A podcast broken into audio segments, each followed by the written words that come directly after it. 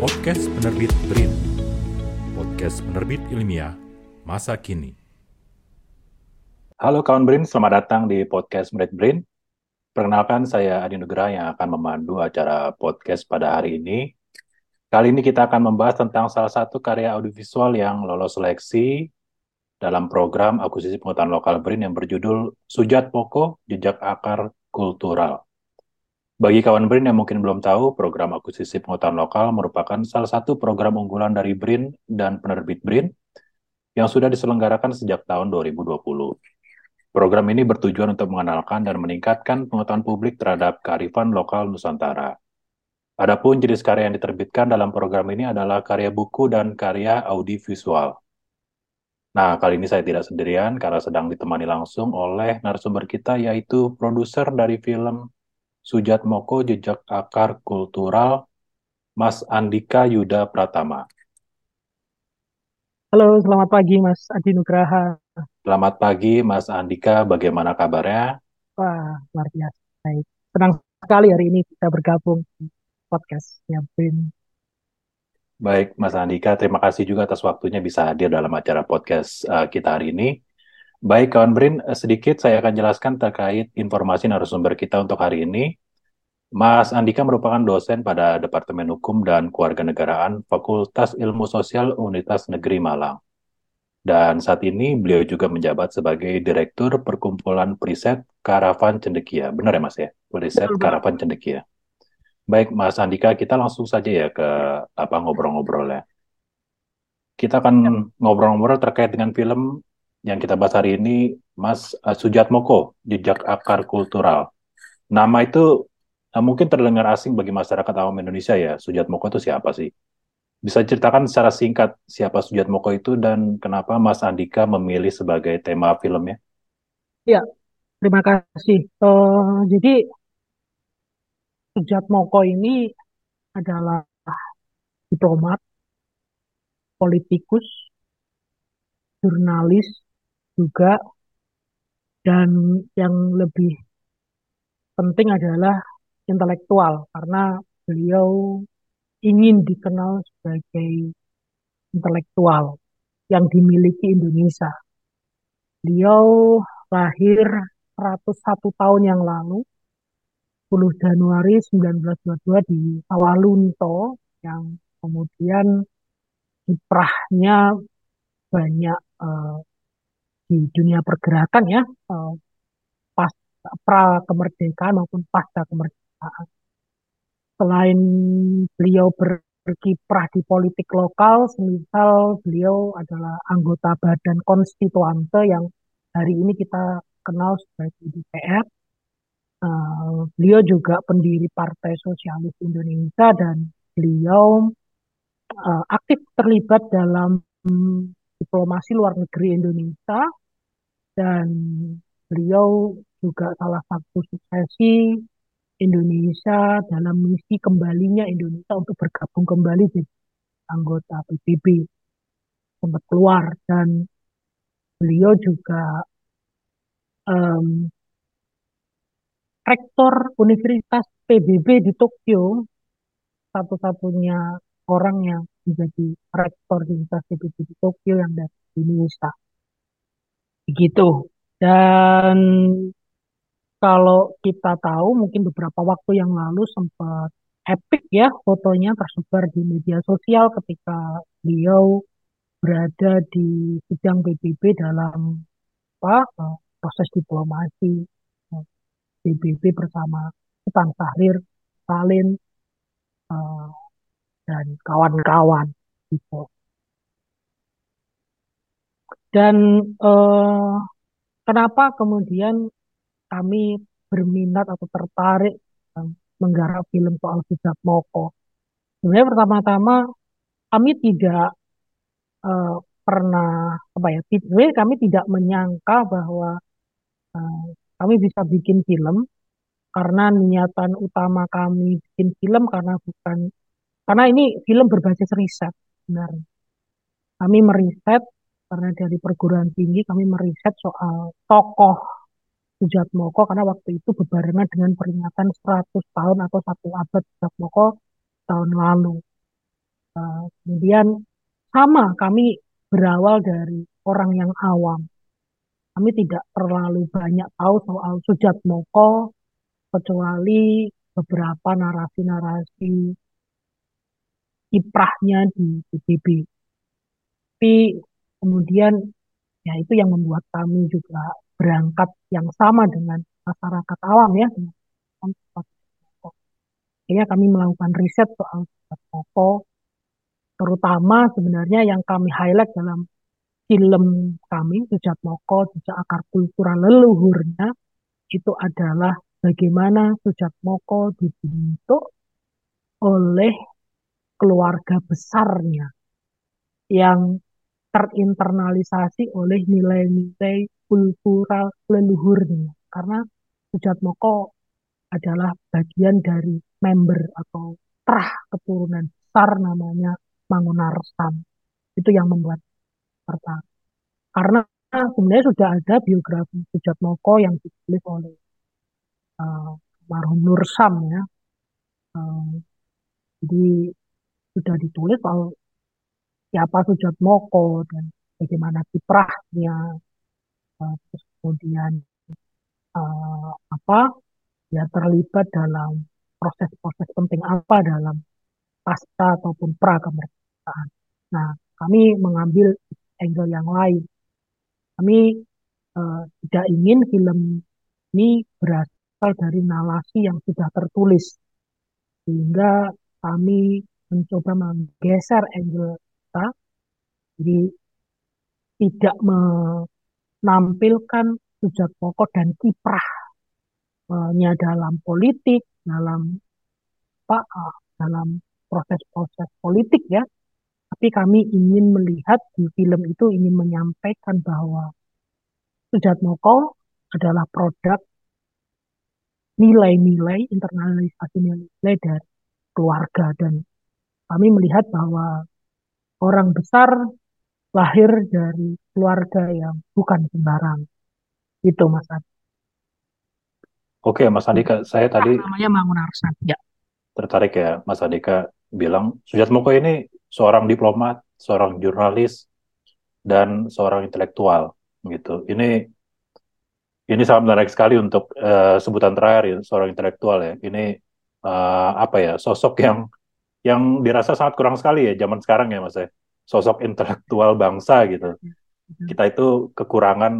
Mungkin saya percaya ya banyak sekali sosok-sosok intelektual di luar sana saat ini gitu ya. baik yang umurnya masih muda ataupun yang yang sudah maksudnya sudah sudah mapan.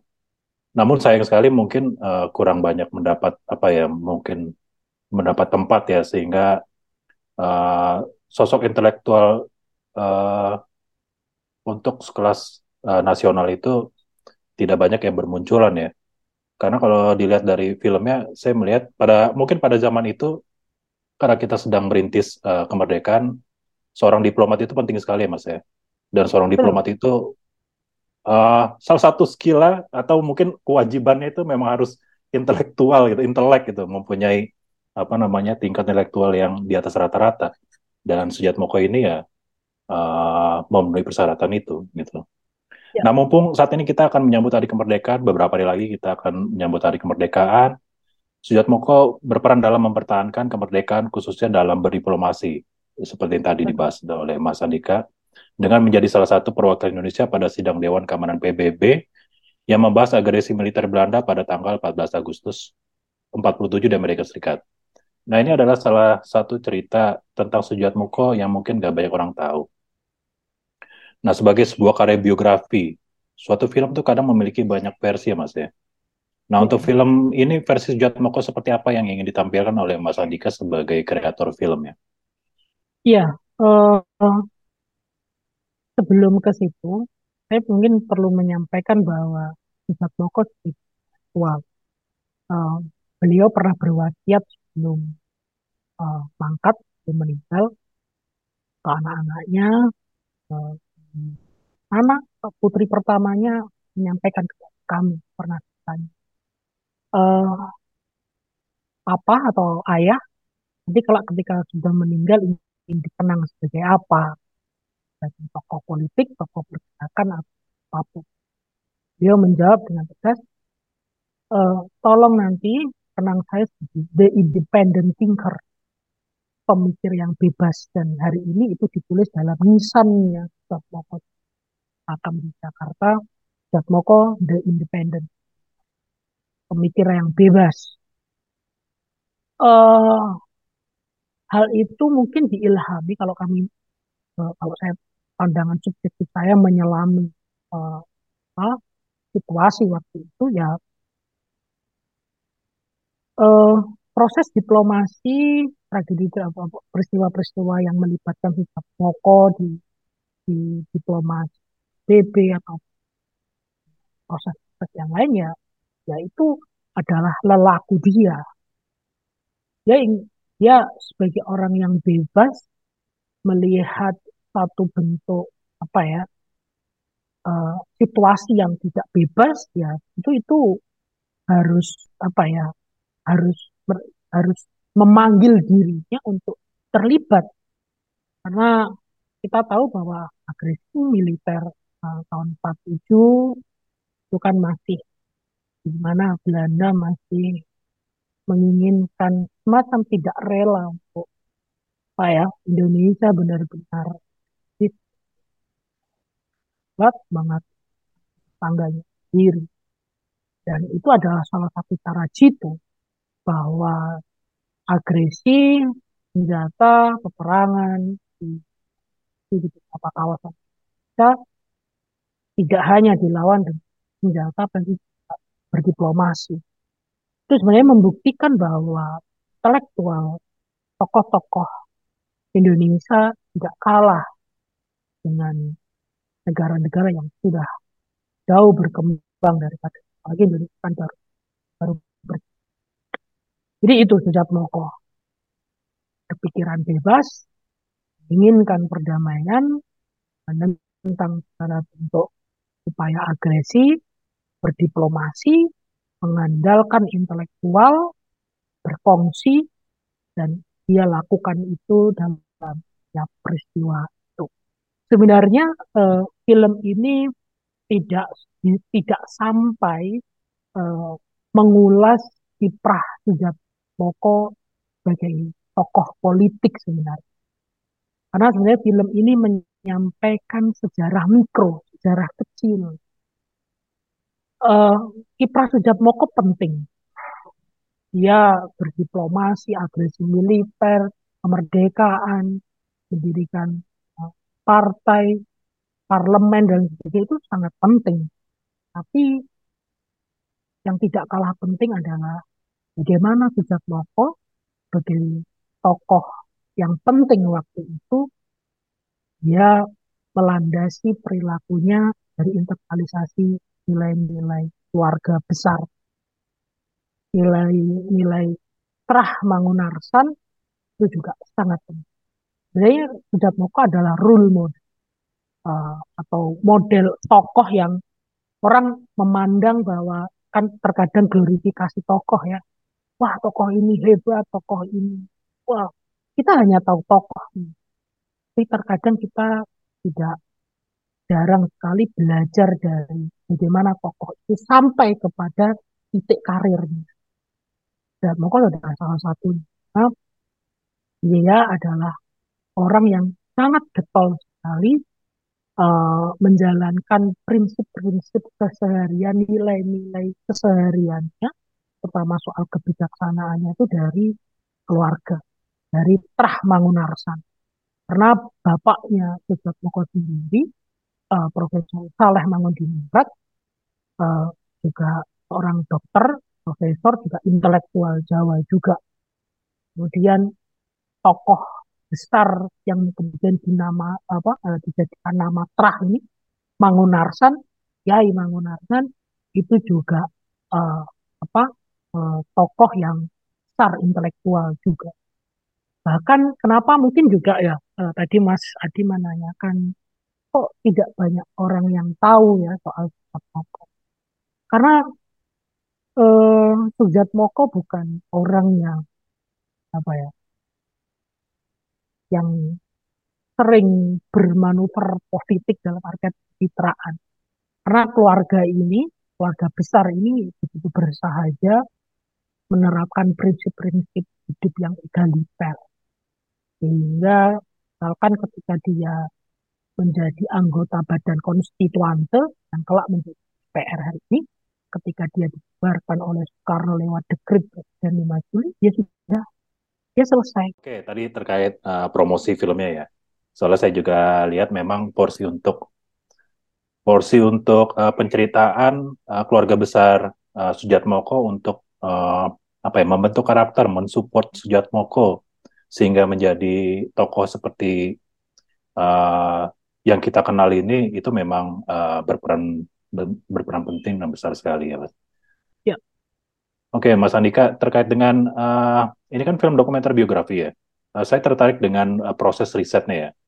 Bisa ya. diceritakan bagaimana proses riset terkait dengan tema film ini, pendekatan dengan narasumbernya, karena saya lihat uh, film itu uh, sebagian besar dari keluarganya ya, Mas ya. Betul, betul. Hmm. Gimana, Mas? Ya. Bisa diceritakan? Oke, okay, baik. Uh, proses ini sekitar uh, uh, kami mulai proses ini sekitar dua tahun yang lalu. Kami um, berawal dari kisah mengenai Kiai Mangunarsan. Kiai, Kiai Mangunarso. Kiai Mangunarso ini adalah uh, bangsawan. Jadi dia bangsawan karena beliau adalah uh, menikah dengan Kasunanan uh, Surakarta ya waktu itu PB, Putri PB um, dan beliau hidup di luar kerajaan, hidup di luar keraton. Uh, sebenarnya dimulai dari orang lokal, karena saya orang Madi. Lokasinya ini ada di Madi. Uh, karena ketertarikan dan penasaran saja itu. Karena tahun beberapa tahun yang lalu kami uh, bersama Peter Carey uh, itu mengunjungi beberapa situs makam yang ada di Madiun Raya. Salah satunya adalah makamnya Raden Ronggo Prawiro ketiga yang ada di Gunung Bancak Magetan. Ini penasaran uh, siapa sih uh, apa makam itu dibentuk? Itu kan karena mendekati guru spiritualnya uh, suami uh, istrinya Maduretno dan kemudian setelah kami lihat ternyata Maduretno ini adalah uh, murid dari Kiai Balawi atau uh, Baidowi. Nah dari situlah riset itu bergulir hingga kami menemukan nama Moko, kami menemukan Kiai Mangunarso karena Mangunarso ini adalah cucu dari uh, Kiai Balawi, guru spiritualnya Raden uh, Maduretno, Raden Ronggo yang kebetulan adalah mertuanya Pangeran Diponegoro. Sehingga riset kami berawal dari situ. Akhirnya itu bergulir-bergulir menemukan eh, data-data uh, uh, tambahan.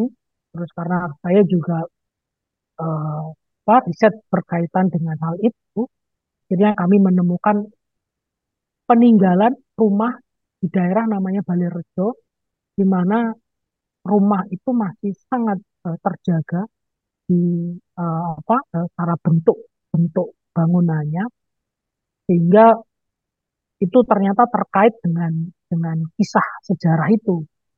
Nah, kami menemukan oh, ternyata itu adalah kediamannya Trah Mangunarso yang biasa digunakan oleh keluarga besar. Lanjut kata, eh, riset kami berlanjut, berlanjut, berlanjut, berlanjut hingga suatu ketika kami mendapatkan informasi bahwa akan ada peringatan 100 tahun eh, Sujat Moko, di mana Sujat Moko adalah bagian dari Trah Mangunarso, Mangunarsan. Ya, ya sudah, kami melakukan pendekatan dengan keluarga, bahwa kami ingin membuat film dokumenter mengenai Sujat Moko, tapi dalam perspektif leluhurnya, dalam perspektif keluarga. Sehingga kami menawarkan ide ini kepada keluarga dan keluarga ACC uh, bahwa nanti sama terkait ini ya keluarga besarnya mem membicarakan mengenai siapa uh, Mangunarso ini dan bagaimana nilai-nilai yang selama ini dibawa oleh uh, terah ini kan? Terus sehingga nilai-nilai yang dibawa terah ini kemudian menjadi uh, value terhadap uh, anak cucu atau atau anak turunnya termasuk itu. Kami menyampaikan ini juga kepada uh, putrinya, uh, tiga putri Joko, bahwa kami ingin uh, highlight uh, membuat film dokumenter soal Joko, tapi bukan dalam perspektif karir politiknya, tapi dalam perspektif keluarga ya semuanya gayung bersambut. Kami menulis kami melihat perspektif-perspektif yang belum ditulis oleh biografinya sendiri, ya, perspektif-perspektif yang belum ditulis dalam buku yang lain yang mengkaji uh, soal Sujatko, sehingga kami berada di titik. Berarti yang belum ditulis adalah Sujatko bagaimana dia dikembangkan atau dia berkembang menurut lelaku leluhurnya atau prinsip-prinsip uh, apa nilai dari leluhur. Ya, ini uh, apa bersama tim uh, menulis artikel dan artikel ini kami kasihkan berbarengan dengan kami membuat film ini. Ya, kami berdasarkan judulnya sejak pokok jejak kultur uh, jejak akar kultural leluhurnya ya bagaimana pokok dibentuk oleh kultur leluhurnya. Terus eh, riset-riset yang bergulir itu kami dan storyboard, storyline, data lah. Akhirnya kami proses produksi ini.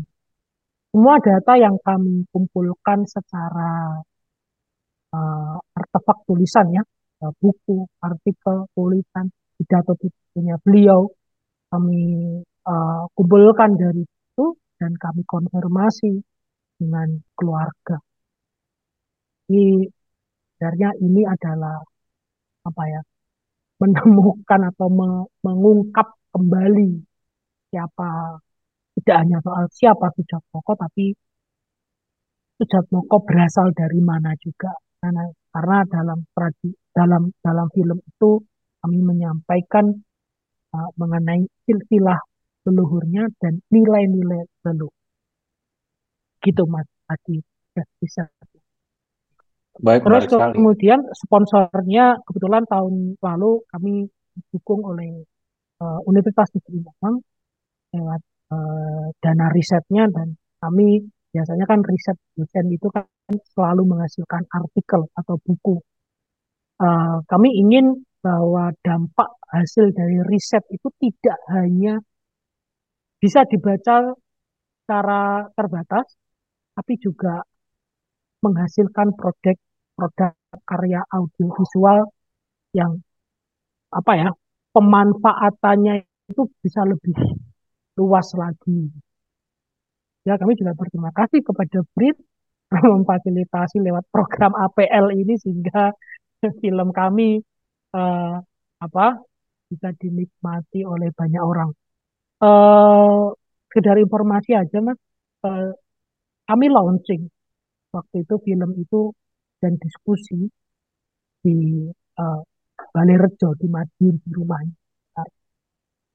Kami memang sengaja waktu itu tidak langsung mempublikasikan film ini ke kanal YouTube karena waktu itu kami ketemu Prof. Bija, Prof. Wijayanti, uh, apa Profesor riset peneliti uh, dan budaya.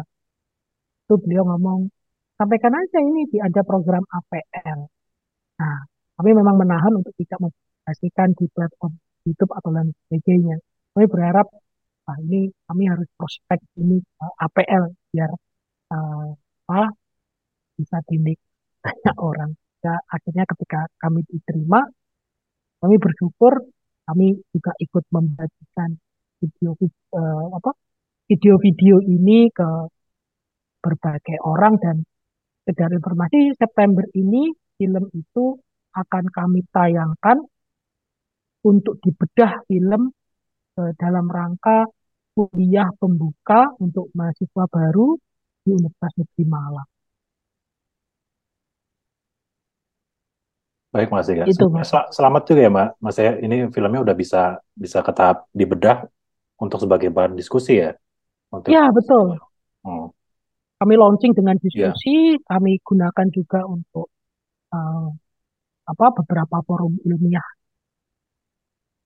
Dan film ini tadi Mas Andika sempat apa uh, sedikit uh, cerita bahwa hasil penelitian itu bisa bisa dalam bentuk apa bukan hanya tulisan bisa bentuk audiovisual betul. seperti film ini bisa diterima betul. oh gitu sangat sangat bisa diterima sangat bisa diterima dan emang harusnya begitu ya mas? Hmm, uh, sangat bagus sekali mas kalau gitu ya, ya karena kalau menghasilkan tulisan itu bagus. Tapi dengan iklim literasi hari ini di Indonesia itu Artinya tidak bisa, artinya segmennya pasti akan terbatas. Segmennya akan Bahasa udah ikut literasi Indonesia kayaknya udah aduh pesimis banget ya. Anda-anda ini positif Mas. Tapi ini, kita juga di... harus iya, karena segmennya pasti terbatas. Kalau iya. dengan film kan uh, lebih, lebih mudah dinikmati ya Mas ya. Betul, karena kan iya. sekarang orang semuanya harus dimanjakan kan. Telinga, mata itu kan harus dimanjakan semua. Ya kami kan hanya melayani dengan menyediakan itu aja. Oke Mas, uh, tadi proses riset itu uh, apa ya? Uh, kalau kita dengar cerita dari Mas Andika tuh proses riset itu sangat matang. Ini saya ambil, maksudnya ambil pelajarannya itu dengan proses riset yang matang seperti itu, itu memberikan ruang buat si kreator film itu uh, sudut pandang mana ya yang lebih apa yang mau mereka ambil gitu. Nah itu ruangnya menjadi lebih besar tuh karena Betul. hasil riset yang yang sudah matang itu tadi ceritain Mas Andika mulai dari step ini ketemu ke sini akhirnya ketemu bisa langsung ke keluarga langsung gitu kan. Nah ini memberikan ruang yang lebih besar untuk si kreator film itu mau dari sudut pandang mana film ini nanti diangkat. Oke Mas, bisa cerita nggak apa ada cerita menarik apa sih selama proses produksi film ini? Ya, uh, Karena Mas Andika ini kan jadinya interaksi secara secara apa ya? Secara dekat ya dengan apa pihak betul. keluarga Moko ya? Iya, betul. Uh, pertama ini Mas, kami mereka uh, keluarga itu sebenarnya biasa aja. Tidak menganggap narasi yang kami ingin lakukan itu sebagai suatu hal yang uh, apa ya perlu gitu loh. loh. Intinya begini, uh, ya apa menariknya kami ini kan biasa-biasa saja gitu loh jadi kan karena keluarga ini sangat apa, sederhana ya, sekali ya sangat sederhana sekali sangat sangat low profile sekali gitu loh bahkan kami sangat berhati-hati untuk menyajikan narasi-narasi yang ada unsur glorifikasinya. Wah, wah Sujat Moko ini hebat sekali. Wah itu keluarga akan kasih notis itu. Enggak lah kita biasa. Jadi menggarap film Sujat Moko beserta menggarap riset Sujat Moko itu sebenarnya seperti mempelajari perisetnya. Dalam bagaimana uh, satu prinsip atau apa ya nilai-nilai keluarga itu itu kan lintas generasi mas. Uh, Sujat Moko eh, Mangunarso itu sekitar tahun 1800-an dan ini juga tahun 2023 dan mereka masih menjadi keluarga yang sangat solid, sangat kompak dan ratusan kan keluarga.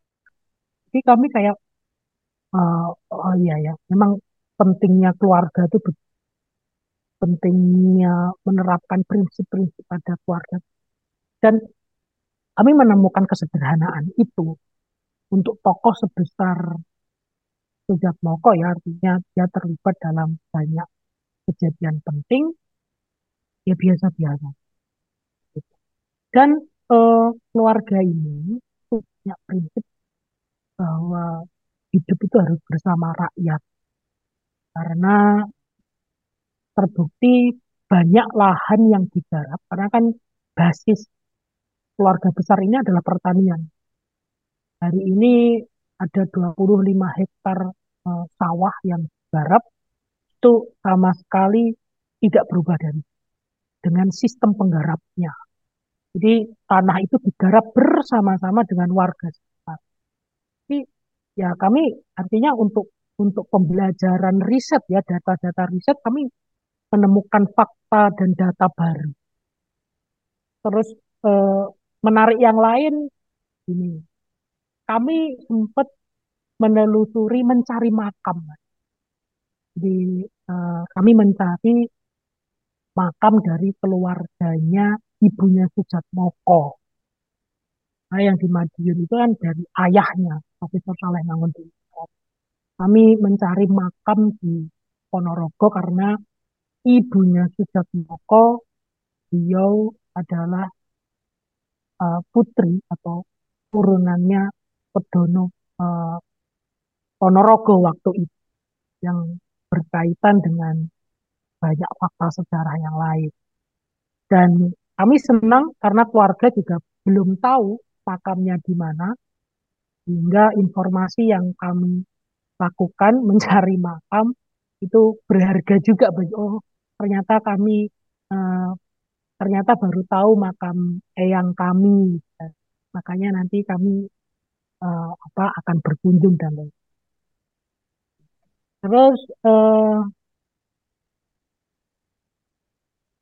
proses yang menarik yaitu mas kami menemukan itu kami banyak belajar bersama oleh keluarga ini. Nah sangat sederhana, sangat menerapkan prinsip-prinsip kebersahaja.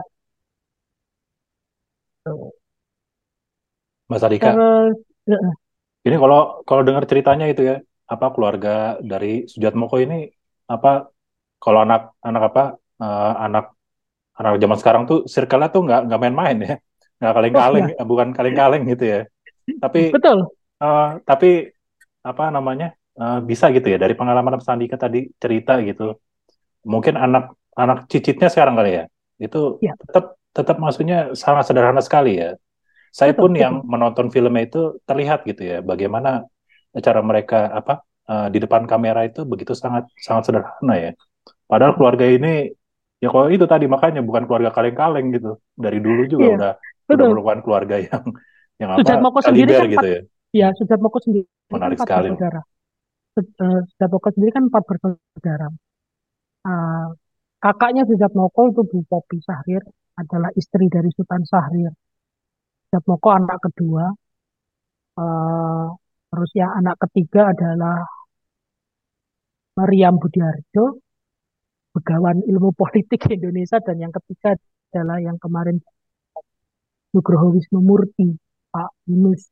Beliau dubes dulu pernah jadi uh, Indonesia untuk Swedia juga. Dan keluarga ini kan juga berkaitan dengan semisal Tokro Aminoto, terus berkaitan juga banyak tokoh penting loh. Masuk Raden Sugiro yang jadi gubernur DKI dan jenderal pertama perempuan Buruk ini juga terakhir. Luar biasa lah dan mereka karena prinsip mereka ini mas sebenarnya kan mereka keluarga ini pantas untuk disebut Raden karena kultur leluhurnya dari uh, kerajaan, tapi mereka menanggalkan. Tidak ada katanya apa Raden atau Raden Ayu, Raden Mat. Mereka hanya cukup mengatakan hutan itu ki untuk laki-laki, ni untuk perempuan. Dan itu kan sangat. Nah, itu Baik Mas Andika. Kawan Brin, tadi tuh Mas Andika walaupun sudah apa namanya uh, ya, spoiler ya sebetulnya itu banyak hal yang dibahas di filmnya tapi masih banyak sebetulnya aspek yang apa menarik dari Sujat Moko ini jadi kalau mas apa uh, Pak Awan Brin penasaran tonton aja filmnya di kanal YouTube kita Betul. ya Betul. Mas Adika ini uh, film dokumenter biografi kebenaran fakta itu menjadi penting sekali mas ya ini Betul. ada tantangan atau kesulitan yang dihadapi selama pro proses produksi filmnya seperti apa? Ya, uh, kami menganggap waktu itu karena kan informan utama kita harus orang yang paling dekat dengan Sujatmoko. Orang yang paling dekat Sujatmoko adalah keluarganya. Terlebih adalah putrinya atau anak-anaknya yang paling dekat kan. Nah, kami melakukan pendekatan itu.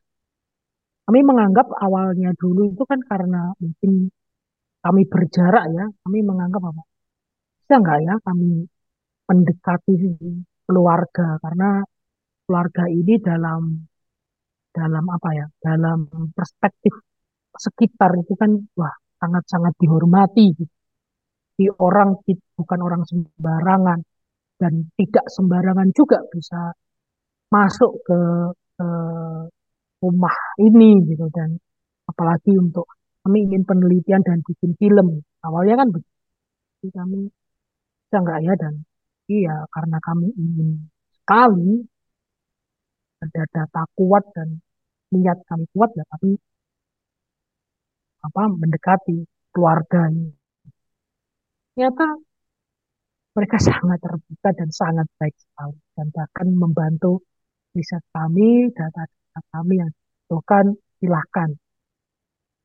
Yang menarik adalah hari ini eh, atau apa ya bagian yang bertanggung jawab pengurus eh, keluarga ini kan namanya Buyun. Uh, itu sudah sepuh sekali, tapi nyatanya sangat tajam sekali terkait uh, apa data-data keluarga ini. Jadi kami sangat terbantu.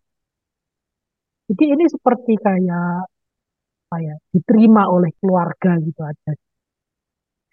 Gitu, Mas. Baik, Mas Andika.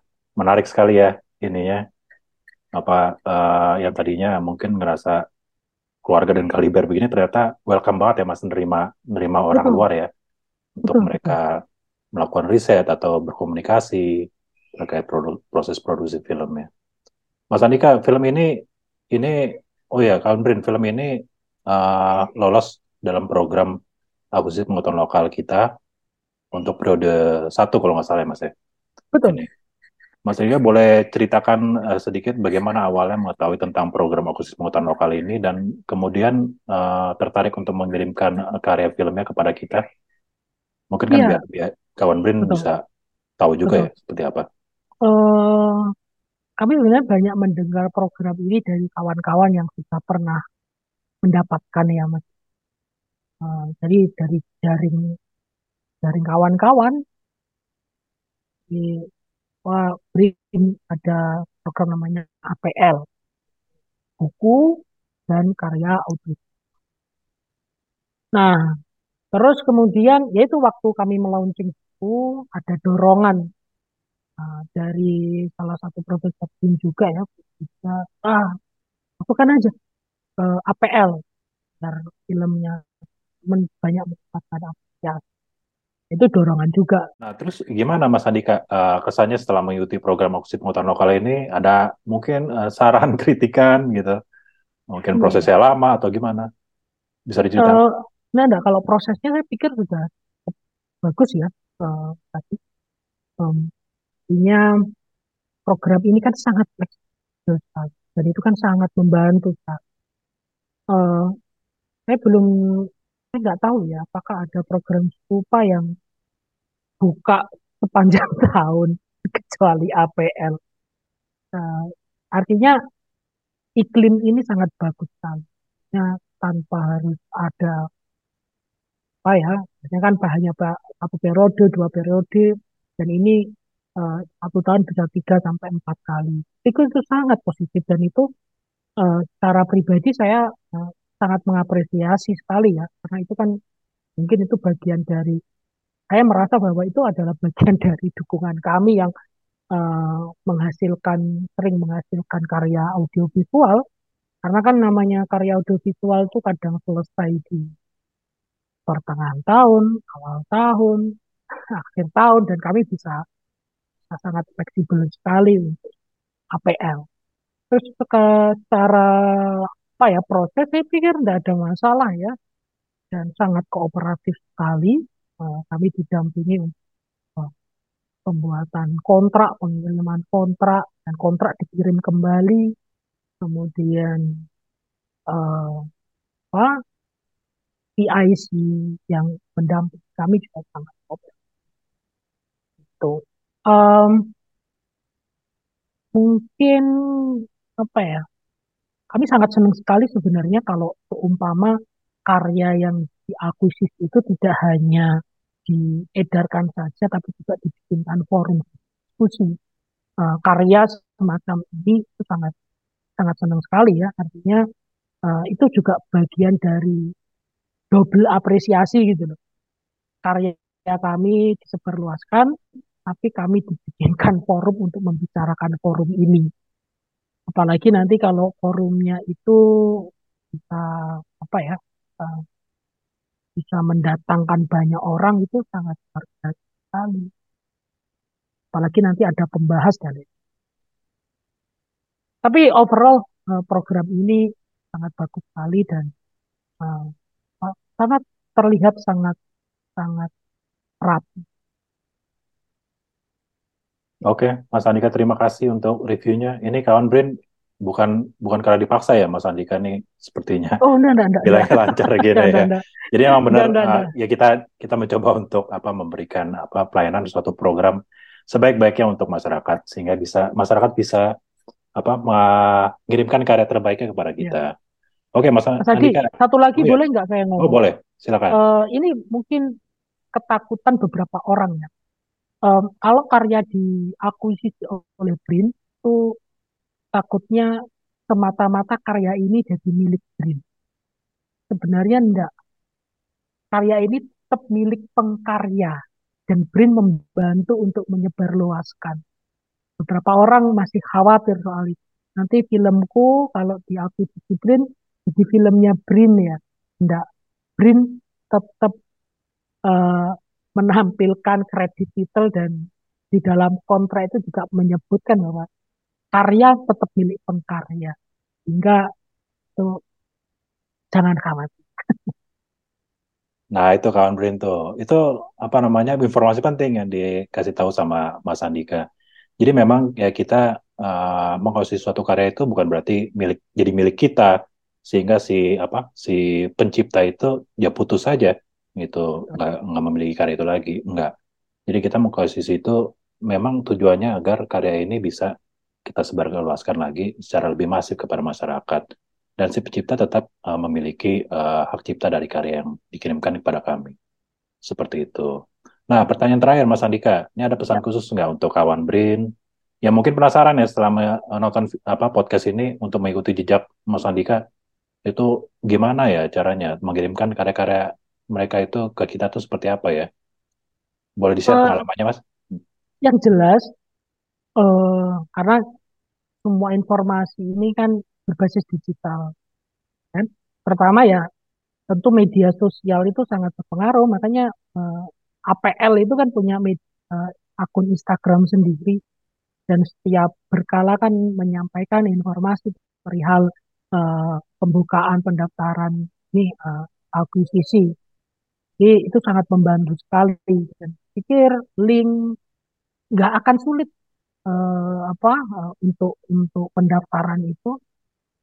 Ikuti medsosnya, persiapkan berkasnya, simpel sekali berkasnya. Dan uh, kalau nggak salah tinggal submit aja secara digital di link pengumpulan ya. Dan tinggal ditunggu aja. Karena konfirmasi uh, apa proses setiap uh, tahapan itu selalu diinformasikan lewat email. Saya masih ingat daftar itu dikonfirmasi email, nanti proses review itu masuk email, artinya tahapan ini ketika juga sangat transparan. Itu, Mas. Oke, kawan Brain, itu tadi penjelasan dari Mas Andika. Pantengin tuh sosmed kita, karena informasinya sekarang semua biasanya memang lewat sosmed ya. Jadi kawan-kawan Brain ini uh, ya salah satu caranya memang uh, pantengin sosmed kita, karena informasinya nanti apa semuanya tuh berawal dari situ. Oke, seru sekali ya kawan Brin. Nggak terasa kita sudah berada di penghujung waktu acara podcast ini. Sayang memang waktunya terbatas ya. Uh, Mas Andika, apakah ada yang masih ingin disampaikan kepada kawan Brin sebelum kita tutup obrolan hari ini? Mungkin tadi bisa di, di apa di diulang lagi Mas ya, karena Mas Andika rencana ada acara bedah filmnya ya Mas. Mungkin bisa. Uh, mohon maaf, yang mana Mas Adi? Ada rencana yang itu uh, filmnya mau ditayangkan? Oh iya, tentu. Mungkin bisa di. Uh, oh. Ya, jadi uh, selain kami senang diakuisisi BRIN karena film itu uh, film itu ikut dibantu untuk disebarluaskan oleh BRIN.